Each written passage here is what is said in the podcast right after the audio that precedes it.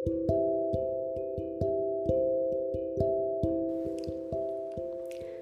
kəsə salam. Hamınızı podkastımda xoş gördüm. Mən bu gündən etibarən podkastımı yayımlamağa qərar verdim və əslində əsas məqsədim həqiqətən də sizin hamınıza faydalı olmaq və danışacağım xəstəliklər barəsində məqsədlərimdən ən önəmlisi sizə bu xəstəliklər barədə məlumat verib sizi daha da məlumatlı etmək və bu yolda sizə kömək etməkdir. Ümid edirəm indi danışacağım podkast və bundan sonra hazırlayacağım digər podkastlar hamısı sizə faydalı olacaq və əgər sizin də xüsusilə eşitmək istədiyiniz, barəsində məlumatlı olmaq istədiyiniz hər hansısa bir mövzu, xəstəlik, ə, ola bilər, nevroloji ola bilər, psixoloji ola bilər hər hansısa bir mövzu varsa, mənim o barədə sizə məlumat verməyimi istəyirsinizsə, mənə rəydə yaza bilərsiniz və mən onun barəsində növbəti podkastlarda mütləq danışıb sizə ətraflı məlumat verərəm.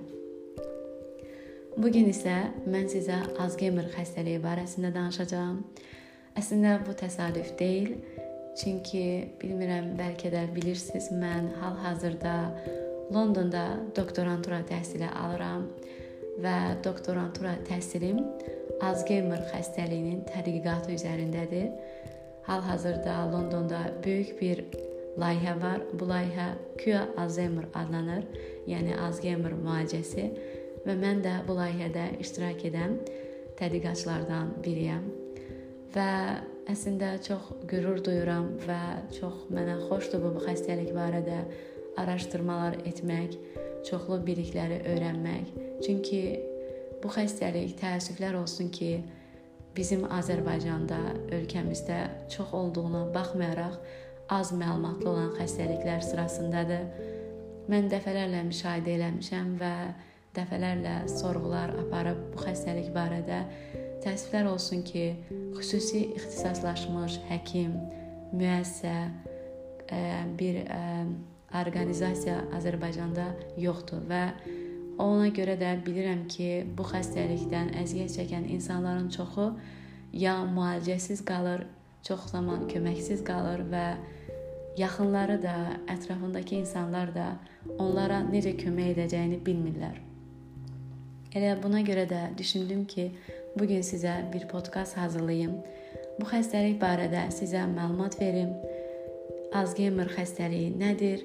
necə yaranır, kimlərdə müşahidə olunur, hansı simptomlarla özünü biruzə verir və xəstəliklə əziyyət çəkən insanlarla necə davranmaq, onları hansı həkimlərlə göstərmək və onlarla necə ə, qayğı göstərmək lazımdır, o barədə məlumat verim. İlk olaraq başlamaq istəyirəm Alzheimer xəstəliyi adındakı Alzheimer sözündən. Niyə burada Alzheimer sözü var və bu Alzheimer nə deməkdir? Alzheimer xəstəliyi ümumiyyətlə tibb elminə və elmə 1905-ci ildə ə, tanınıb. Bunu da 1905-ci ildə Alman psixiatrı Alois Alzheimer öz xəstəsini müayinə edərkən və müalicə edərkən bu xəstəliyin olduğunu müəyyən edib və həmin vaxtdan sonra Bu xəstəlik Alzheimer adı ilə davam edib. Yəni bu günə kimi bu xəstəliyə Alzheimer xəstəliyi adını veriblər. Alzheimer xəstəliyi yavaş-yavaş başlayır, lakin sürətlə inkişaf edir və adətən bu xəstəlik 65 yaşdan yuxarı insanlarda müşahidə olunur. Və ən əsas simptomlarından biri yaddaş qabiliyyətinin itməsi və yaxud da ki, azalmasıdır. Yəni Alzheimer xəstəliyini belə deyək, müəyyən etmək üçün əsas simptomlardan, əsas göstəricilərdən biri xəstədə yaddaşın zəifləməsidir. Alzheimer xəstəliyi çox dünyada həqiqətən də hədsiz çox geniş yayılan xəstəliklərdən biridir. Hətta hal-hazırda xərçəngdən və piyələnmədən sonra şəkərli diabetdən sonra 3-cü yerdə Alzheimer ə, ə, yəni yayılmasına görə yer tutur və bu qədər ciddi bir xəstəlikdir. Təəssüflər olsun ki, hər il bu xəstəlik artır. Yəni Alzheimer xəstəliyinə tutulan insanların sayı ilbəil artır və hətta belə bir Ümumdünya Səhiyyə Təşkilatının belə bir statistikası var ki, 2050-ci ilə qədər bu xəstəlik hal-hazırda olduğundan 4 dəfə artıq çox bir rəqəmə ə, malik olacaq. Yəni bu doğrudan da çox ə, düşündürücü və narahat edici bir statistikadır. Çünki bu xəstəliyin artmasının digər səbəblərindən biri də odur ki, Alzheimer xəstəliyinin müalicəsi hələ mümkün deyil. Mən bu barədə videonun sonunda danışmağa qərar vermişəm. İlkin olaraq istəyirəm danışmaq adətən yaranması barəsində və xəstəliyin mərhələləri barəsində. Az öncə qeyd etdiyim kimi də Alzheimer xəstəliyi yaşlı insanlarda, daha dəqiq desək, 65 yaşdan, 60 yaşdan yuxarı insanlarda müşahidə olunur. Amma bu o demək deyil ki, Alzheimer xəstəliyi erkən yaşlarda müşahidə oluna bilməz. Xeyr, xəstəlik e, statistikasına baxanda bəzən erkən yaşlarda da bu xəstəlikdən əziyyət çəkən insanlar var və müşahidə olunur. Xəstəlik qeyd etdiyim kimi ilkin olaraq yaddaş qabiliyyətinin azalması ilə baş verir. Amma mən istəyirəm sizə məlumat vermək ki, bunu hər kəs, yəni kimdəsə yaddaş ə, e, problemi varsa, düşünməsin ki, onda Alzheimer yarana bilər və yaxud da ki, o Alzheimer xəstəsidir. Xeyr. Bu ilk növbədə onun üçün yaşlı insan olmağınız şərtdir və yaddaşı da fərqləndirmək lazımdır. Çünki Alzheimer xəstəliyindən əziyyət çəkən insanlar yaxın zamanda baş verən prosesləri, hadisələri unudurlar. Keçmişi xatırlayırlar. İlkin mərhələdə onlar keçmişlə bağlı bütün məlumatları xatırlayırlar, lakin yaxın, dünən, çox qısa zamanda bu gün səhər məsələn baş verən bir hadisələri tamamilə unudurlar və xatırlaya bilmirlər. Budur xəstəliyin əsas göstəricisi və yaddaş dedikdə fərqləndirmək lazım olduğunu bunu nəzərdə tuturdum. Xəstəlik az öncə qeyd etdiyim kimi mərhələlərə bölünür və məsələn ilkin mərhələdə əgər xəstədə yaddaş qabiliyyətində problemlər vardısa, xəstəliyin növbəti mərhələsində Alzheimer xəstəliyi ünsiyyət qurma qurarkən çətinliklərlə üzləşir. Belə ki, xəstəliyin xəstənin nitq qabiliyyətində problemlər yaranır. Məsələn, Alzheimer xəstəsi ünsiyyət qurarkən düzgün sözləri tapmaqda çətinlik çəkir və fikrini tam çatdıra bilmir. Qarşısındakı insana hər hansısa bir məsələnin məsələn problemi həll edərkən və ya məsələ barəsində fikrini bildirərkən çox çətinliklərlə üzləşir və Fikrini tam çatdıra bilmədiyinə görə pauza edir və dayanır və danışmamağa başlayır. Yəni xəstəliyin növbəti mərhələsi xəstənin nitq qabiliyyətində yaranan problemdir. Bundan sonrakı simptomlar, məsələn, xəstə Alzheimer xəstəliyi tez-tez əhval-ruhiyyəsinin dəyişməsi ilə özünü göstərir. Tutaq ki, Alzheimer xəstəliyi xəstəsi günün müəyyən hissəsində müxtəlif əhval-ruhiyyədə ola bilər. Məsələn, ya həddindən çox pozitiv əhval-ruhiyyədə olur, ya həddindən çox kədərli və depressiv əhval-ruhiyyədə olur. Bundan sonrakı digər simptomlar isə xəstənin özünün idarə edə bilməmək qabiliyyətləridir. Məsələn, gündəlik ehtiyaclarını qarşılaya bilməmək, bu həm qidalanma ola bilər, həm digər bioloji ehtiyacları ola bilər. Bunlarda xəstə başlayır problemlərlə qarşılaşmağa. Və daha sonrakı etaplarda belə deyək, daha çox kəskinləşdiyi dövrdə xəstələrdə hallusinasiyalar müşahidə olunur, yuxusuzluq müşahidə olunur, ə, həddindən çox əsəbilik ə, və ətrafdakı insanlara qarşı qeyri-adi davranışlar müşahidə olunur. Sonra tamamilə bəzən susqun ə, mühitdə olurlar, yəni tamamilə susqun olurlar və heç kimlə ünsiyyət qurmaq, danışmaq istəmirlər, qapanıq ə, modda olurlar.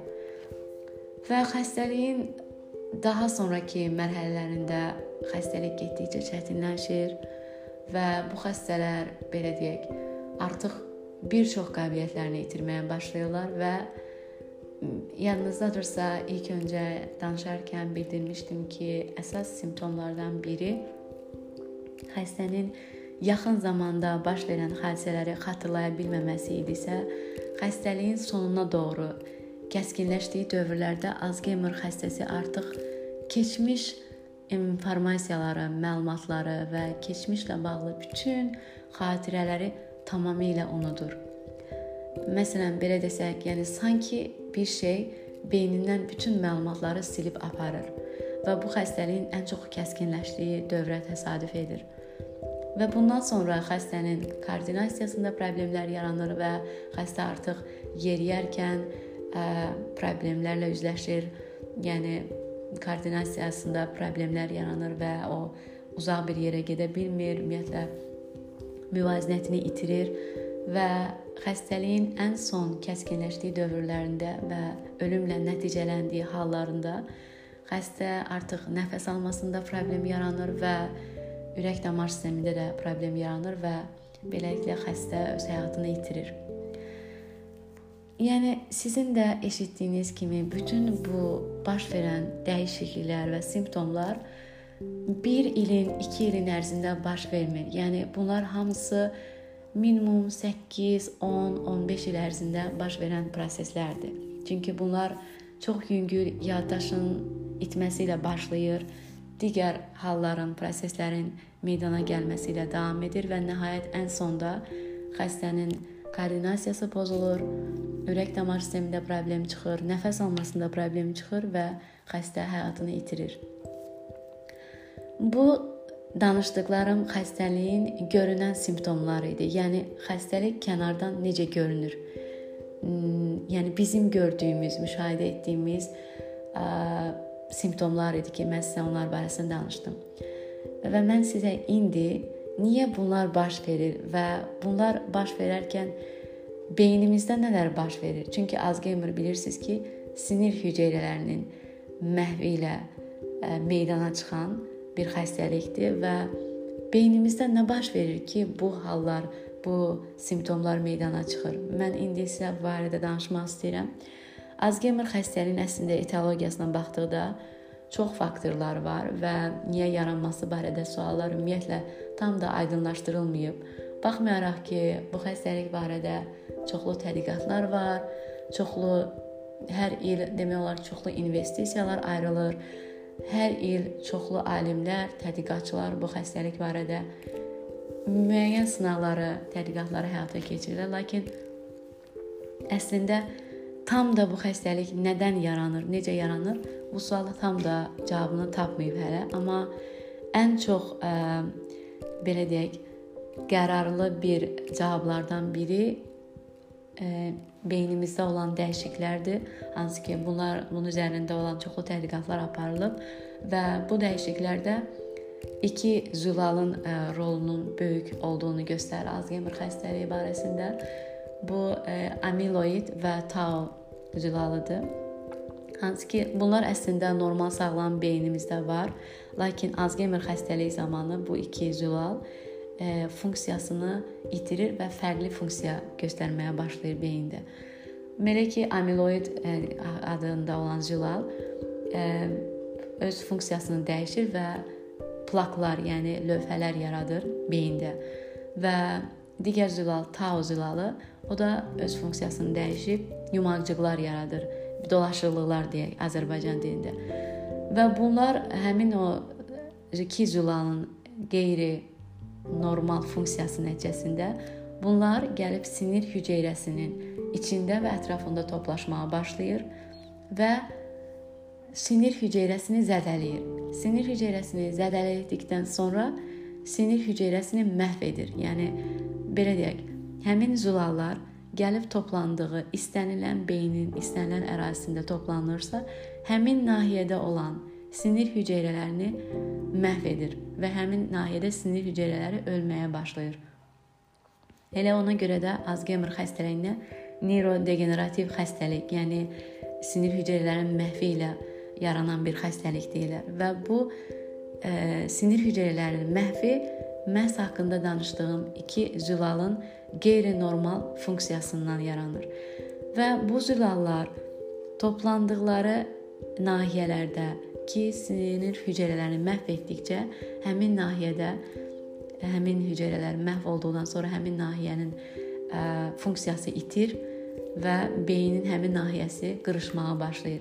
Çünki siz bilirsiniz, bizim müxtəlif hisslərimiz, müxtəlif funksiyalarımız ə, beynimizdə müəyyən nahiyələr tərəfindən idarə olunur. Məsələn, bizim danışıq qabiliyyətimiz müəyyən nahiyə tərəfindən, e, qoxu qabiliyyətimiz ə, və nəfəs alma, ə, istənilən qabiliyyətimiz, emosiyalarımız, hər hər bir ə, qabiliyyətimizin beyində müəyyən mərkəzləri var, adi dildə desək və həmin mərkəzlər tərəfindən idarə olunuruq. Amma haqqında danışdığım bu iki zülal qeyri-normal funksiya göstərdikdə, belə deyək, zədələyici bir funksiya göstərdikdə həmin nahiyələrdəki sinir hüceyrələrini məhv edir və həmin nahiyədə sinir hüceyrələri məhv olduğuna görə artıq həmin nahiyə o qabiliyyətlərimizə ə, uyğun ə, fəaliyyət göstərmədiyinə görə həmin qabiliyyətlərdən məhrum oluruq. Məhz buna görə də Alzheimer xəstəliyi zamanı ilkin olaraq yaddaşın pozulması, yaddaşın azalması yaddaşa ə, məsul olan beyin nahiyəmizin və həmin nahiyədəki sinir hüceyrələrin məhvinə görə yaranırdı. Məsələn, belə deyək, xəstənin əgər yaddaşı azalırsa və yaddaş qabiliyyəti itirsə, demək ki, bizim yaddaşla əlaqəli olan beyin nahiyəmizdə artıq sinir hüceyrələri məhv olub və ora oranın fəaliyyəti pozulub. Ona görə də xəstə yaddaş qabiliyyətini itirir. Digər ə, məsələn simptomlar, emosional, emosional simptomları nəzərə alsaq, mən az öncə danışdım ki, xəstələr günün müxtəlif nahiyələrində, günün müxtəlif dövründə müxtəlif emosional durumda olurlarsa, onlar onda o zaman demək ki, həmin nahiyəyə mənsub olan hissədə sinir hüceyrələrinin məhvi müşahidə olunmuşdu. Və Beyinlə əlaqəli olan hissəsi bu iki zülalın qeyri-normal funksiyasından beynimizə vurduğu zərərdən yaranır. Bəs sual oluna bilər ki, Alzheimer xəstəliyinin müalicəsi varmı? Ümumiyyətlə bu iki zülalın qeyri-normal funksiyasını dayandırmaq mümkündürmü? Bəli, məsələ elə əsas məsələ, çətin məsələ ondan ibarətdir ki, hal-hazırda bütün dünya həmin beyindəki daş verən dəyişikliyi necə dayandıra bilərlər, necə qarşısını ala bilərlər, yəni profilaktika edə bilərlər. Bu barədə düşünürlər. Elə buna görə də bütün tədqiqatlar, bütün araşdırmalar məhz bu istiqamətdə aparılır və bu istiqamətdə müxtəlif fərqli-fərqli yanaşmalar aparılır və həmin yanaşmalar üzərində tədqiqatlar başlanılır, tədqiqatlar sona çatdırılır və sonra tədqiqatın nəticəsinə uyğun olaraq hər hansısa bir yeni nailiyyətə ə, qabil olurlar. Lakin təəssüflər olsun ki, hələ ki Alzheimer xəstəliyinin profilaktikası, yəni qarşısının alınması mümkün deyil. Bu da ona görədir ki, çünki son zamanlar belə bir ə, tədqiqat nəticəsində müəyyən olunub ki, Alzheimer xəstəliyini yarandığı simptomlar xəstəliyin beyində yaranmasından 15-20 il sonra meydana çıxır. Məhz bu proses xəstəliyin profilaktikası olsun, müalicəsi olsun, onun üçün çox böyük çətinlik yaradır. Çünki düşünün, xəstə Alzheimer xəstəsində xəstəlik artıq var və biz simptomları bilirik. Amma bizim simptomları gördüyümüz və xəstəliyin inkişaf etdiyini gördüyümüz ə, periodu əslində xəstəliyin son dövrüdür biz görürük. Çünki xəstəlik 15-20 il öncə artıq beyində yaranıb və beyində müəyyən nahiyələri yayılıb və zədələyib. Və bu elə olduğu halda artıq o nahiyələri bərpa etmək, o nahiyələrdəki sinir hüceyrələrini e, geriyə qaytarmaq, bərpa etmək qətiyyən mümkün olmadığına görə elə xəstəliyin müalicəsində və müayinəsində olan uğursuzluqlar da bununla əlaqədardır. Yəni Alzheimer xəstəliyi əslində beynimizdə 15-20 ildən öncə yaranır, hansı ki, simptomlar üzə çıxmamışdan qabaq. Yəni simptomlar üzə çıxanda həkimlər olsun, biz olaq ətrafımızda müşahidə ediriksə, biz onları 15-20 ildən sonra e, görürük. Yəni artıq geriyə qayıdıb xəstəliyi müayinə etmək, müalicə etmək və yaxud da nəyinsə qarşısını almaq mümkün olmur. Lakin mənim də ümidlərim böyükdür ki, bu xəstəliyin müalicəsi ən azından profilaktikası mümkün olacaq. Çünki bu istiqamətdə qeyd elədiyim kimi böyük araşdırmalar aparılır.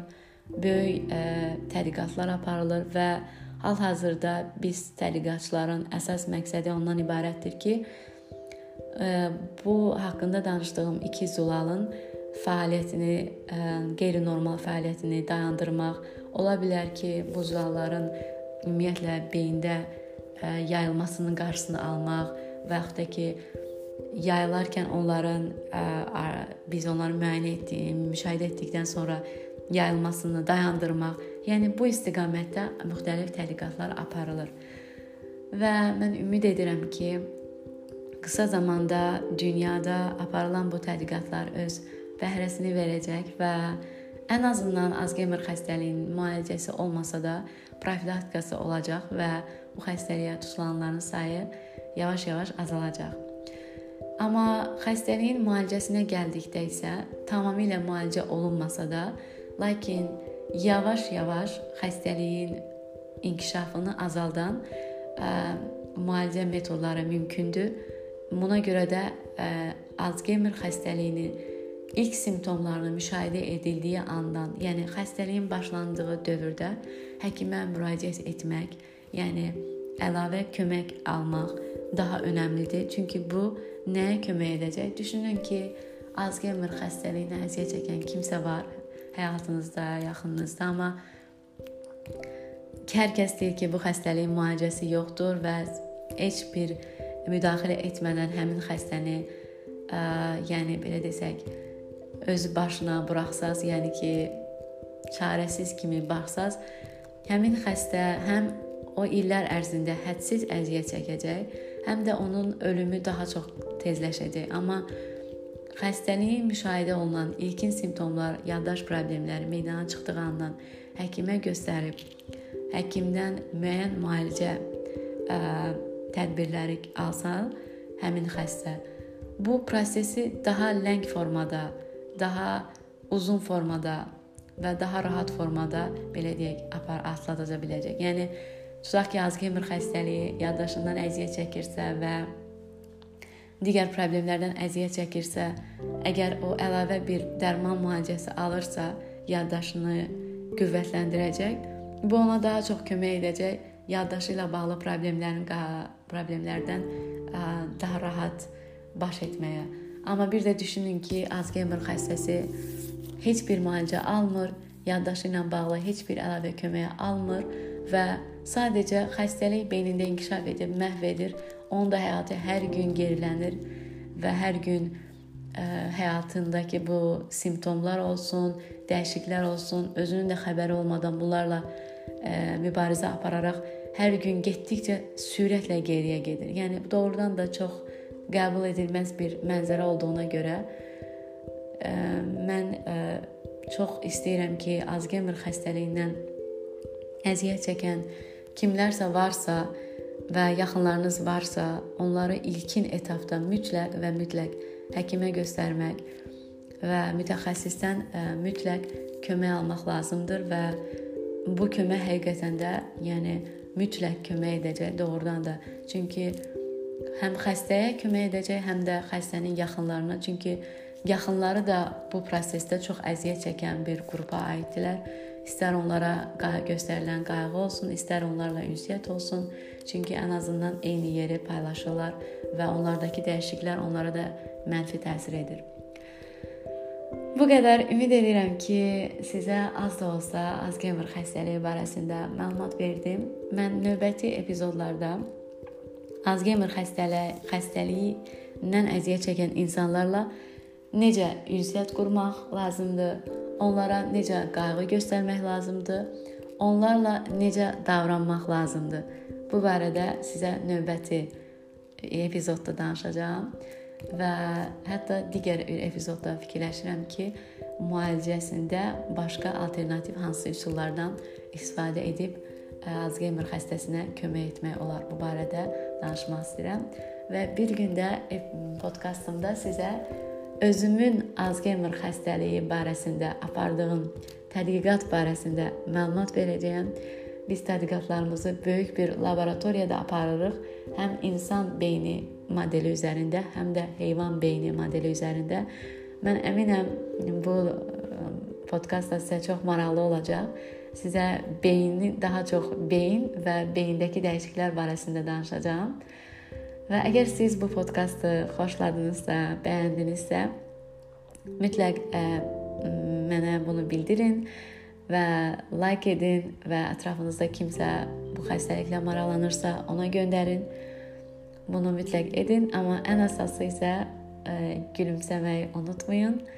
Ə, inşallah yeni podkastda sizə daha maraqlı mövzularla ə, gələcəyəm və əslində dediyim kimi bu mənim ilk podkastımdır və biraz hətta həyəcanlıyam deyə bilərəm. Çünki tələsirəm və baxıram indi artıq 20 neçə dəqiqə dolub və çox danışmışam yəqin ki.